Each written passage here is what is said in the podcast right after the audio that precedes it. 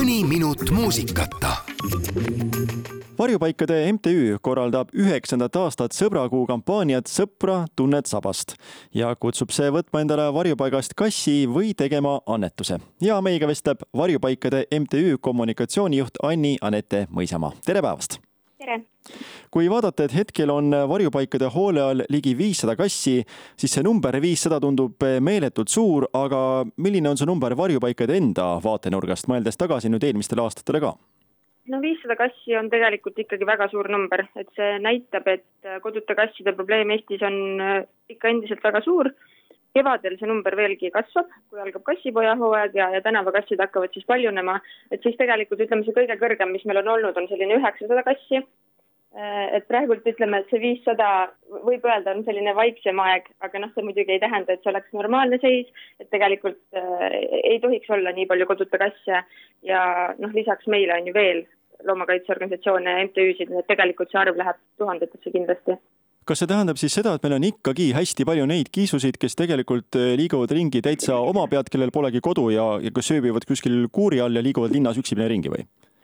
Täpselt põhimõtteliselt seda see tähendabki, et väga palju me varjupaikades tegelemegi just nende kassidega, kes on tänavatele sündinud, kellel kunagi ei olegi omanikku olnud, kes on sellised mittesotsiaalsed äh, kassid, äh, noh, võib-olla elavad kolooniates isegi kuskil kuuride all, keldrites ja nii edasi, aga noh, kõik see saab ju alguse tegelikult ühest kodukassist, ühest äh, steriliseerimata kodukassist, kes lasti oma pead välja ja kes siis aitas kaasa sellele paljunemisele.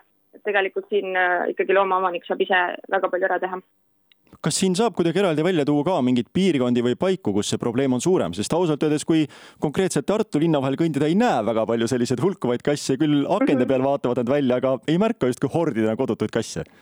Ja no esiteks ma kindlasti ütlen seda, et äh, need poolmetsikud kassid, kui nii võib öelda, nad on väga osavad peitjad.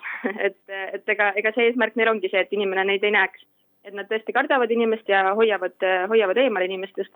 aga jah, seda võib küll öelda, et viimaste aastatega, just ütleme viimase kümne aastaga on linnades olukord ikkagi paranenud, aga maapiirkondades on endiselt see meeletu, et ütleme tõesti meie näiteks Viljandimaa varjupaigas, Valgamaal eh, on täiesti niimoodi, et igapäevaselt tuleb sisse selliseid kassikolooniaid, et kolmkümmend kassi korraga. maapiirkondades on just probleem väga suur nüüd jõuame selleni, et äh, varjupaikades on väga-väga palju kasse, kes ootavad kodu ja kindlasti on palju inimesi, kes tahaks neile kodu pakkuda. aga kuidas üldse sellele nii-öelda asjale läheneda, ehk siis kas peaks tulema kohale, äh, tutvuma erinevate loomadega või siis valima pildi järgi endale kassi välja või kuidas see praktiline pool on kõige õigem tegelikult? Pildi järgi loomulikult omale lemmiklooma valida ju ei saa, eks ole, et välimus selles osas ei ole kõige tähtsam. et on ikkagi iseloom ja see looma ja inimese omavaheline klapp, mis on olulised aga ikkagi alustada võiks küll kodulehest, vaadata ringi, kas sealt üldse jääb keegi silma ja täita sooviavaldus. et kui sooviavaldus on meieni jõudnud, et siis me juba võtame inimesega ise ühendust ja, ja me saame nagu palju, palju head infot inimese kohta ja võib-olla varjupaiga töötaja saab ise soovitadagi, et kes oleks ideaalne loom sellele inimesele, sest me ju oma loomi tunneme väga hästi. ja, ja siis sellele järgneb juba see varjupaika kohale tulemine ja siis me loomulikult anname võimaluse kõikide loomadega ka tutvuda ja vaadata, äh, et jah, pildi järgi kindlasti omale lemmiklooma valima ei pea paljud pelgavad täiskasvanud äh, loomi, täiskasvanud kasse. samas teistpidi loomaarstid ja spetsialistid ütlevad, et vastupidi, täiskasvanud looma võtmine on palju lihtsam variant, sest tema käitumisharjumused juba on välja kujunenud ja te teate täpselt, kelle te koju toote. ja, ja just nii tegelikult ongi, et äh, võib-olla inimene, kellel ei ole kogemust äh, selle, ütleme natuke võib-olla vanema või täiskasvanu looma võt-, võtmisega, et siis ta tõesti pelgab seda ja kardetakse ka võib-olla, et see koos veedetud aeg jääb lühikeseks ja nii edasi, aga tegelikult on niimoodi, et, et kui meilt on ikkagi võetud äh, vanemaid loomi, et siis me oleme ainult seda positiivset tagasisidet saanud. Ja on inimesi, kes on ka öelnud, et issand, et ma ei võta omale iialgi enam kassipoega või kutsikat, et vanema, vanema loomaga on palju rahulikum ja mõnusam koos aega veeta nii et äh, ma arvan, et neid plusse, et võtta omale täiskasvanud loom, noh, neid on ikkagi päris palju, et tasub äh, anda neile ka võimaluse kõik loomad muidugi on erinevad ja siin ilmselt sellist keskmist vastust on raske anda, aga kui loom koju tuua, siis kui kaua võib üldse kuluda aega, et ta hakkaks päriselt avanema ja ta on päriselt see, kes ta on, et alguses ta kindlasti on arg, võib-olla hirmunud, peidab ennast kuskile kapi taha ära, kui palju peaks kannatust varuma, kas selleks võib kuluda kolm nädalat või ka kolm kuud mõnikord või?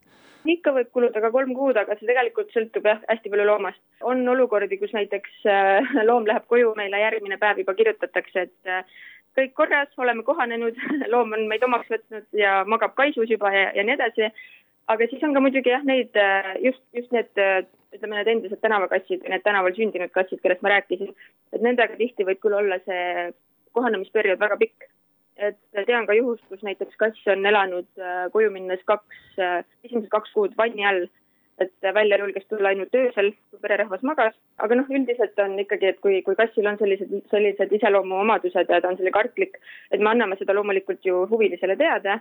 Õnneks on selliseid inimesi, kes tahavadki aidata just selliseid nagu kasse. nii et äh, üldiselt on nad juba arvestanud sellega, et see kohanemisperiood on väga pikk ja teinekord see tõesti võib, võib minna sinna isegi mitmesse, mitmesse kuusse nii-öelda miks on just praegu veebruaris hea aeg endale kassi võtta, et kui see mõte on juba kaua mõlkunud, miks on hea see otsus just nimelt nüüd ära teha ja kuidas siia Pet City üldse puutub? varjupaigad on ju puu püsti täis neid neljajalgseid sõbrakesi, et siis miks mitte teha just sõbrakuul selline heategu, et äh, pakkuda neile päris kodu.